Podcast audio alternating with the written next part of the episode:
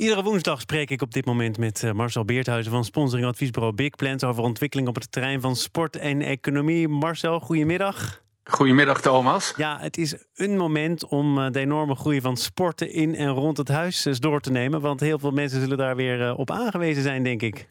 Ja, zeker. Dat is al een enorme markt. Hè. De markt van fitness in 2019 berekend op 18 miljard.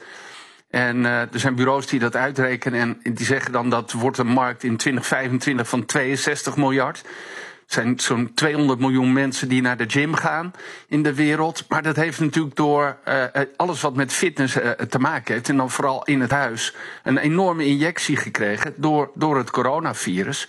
Uh, mensen gaan niet meer zo snel naar de sportschool toe en gaan dus thuis sporten.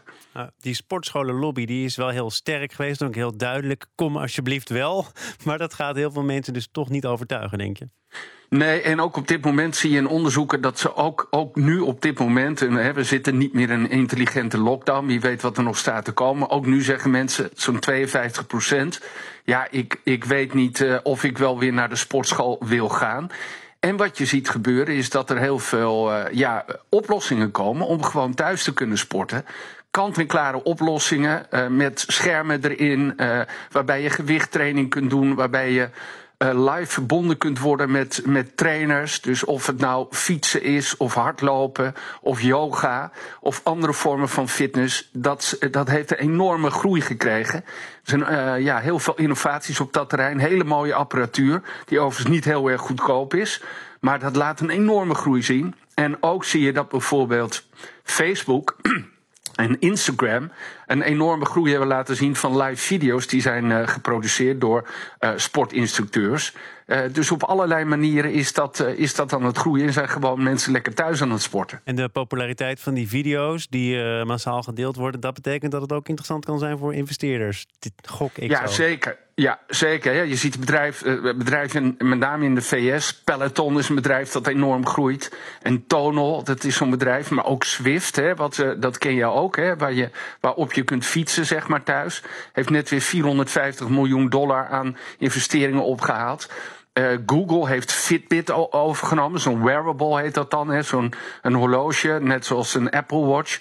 Uh, Google heeft daar 2,1 miljard voor betaald. Dus er zijn allerlei bedrijven die daar de groei zien en allerlei investeerders en daar uh, groot geld in stoppen. Ook Amazon is bezig en gaat dan weer een eigen fiets ontwikkelen die dan weer veel goedkoper moet zijn dan in de markt. Dus er gebeurt ontzettend veel.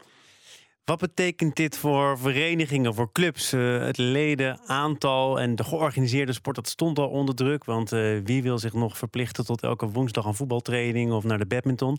Uh, is dit een laatste duwtje richting uh, de afgrond of ben ik nu te somber? Nou ja, kijk, sportscholen hè, en, en, mensen zitten natuurlijk vaak vast aan een, aan een maandabonnement. En, en, die zeggen dan massaal op op het moment dat corona kwam. En die proberen daar wel antwoorden op te geven door ook buiten te gaan sporten. Of ook hun instructeurs via video naar de mensen thuis te brengen. En je ziet ook in, in andere sporten dat er gewoon uh, oplossingen komen. In het voetbal bijvoorbeeld is er zoiets als footy. Uh, dan kan je zelf bepalen op welk moment je waar een wedstrijdje gaat spelen. Vijf tegen 5 of 6 tegen 6, 7 tegen 7. Uh, dus, dus dat is uh, aan het gebeuren. Team NL heeft het ook geprobeerd door sporters uit, uit Team NL in te zetten en mensen thuis te laten uh, sporten. Er zijn normaal gesproken 3 miljoen mensen die aan fitness doen en heel veel daarvan gingen naar de sportschool. Maar die moeten dus op allerlei manieren andere ja, producten ontwikkelen om het te zorgen dat mensen toch aan hun verbonden blijven en dat lidmaatschap blijven betalen. En als je slim bent, dan kun je er dus op meeliften, zelfs van profiteren.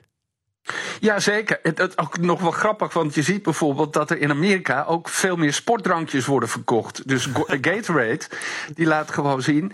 En wat een andere grappige ontwikkeling is, of grappig, maar die instructeurs, dat zijn nu gewoon helden aan het worden. Hè? We hebben in Nederland ook zoiets, dat heet Fit Channel, van Winston uh, Gerstenovic. Die heeft het ook gedaan met onder andere Mark Tuitert. Maar in Amerika zie je dat uh, die instructeurs dermate grote beroemdheden aan het worden zijn.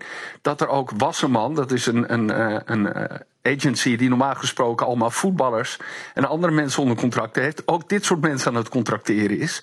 Dus er zijn ook allerlei partijen die eigenlijk meeliften op, dat, op het succes van de thuissport. Wat ga jij nog doen vandaag, Marcel?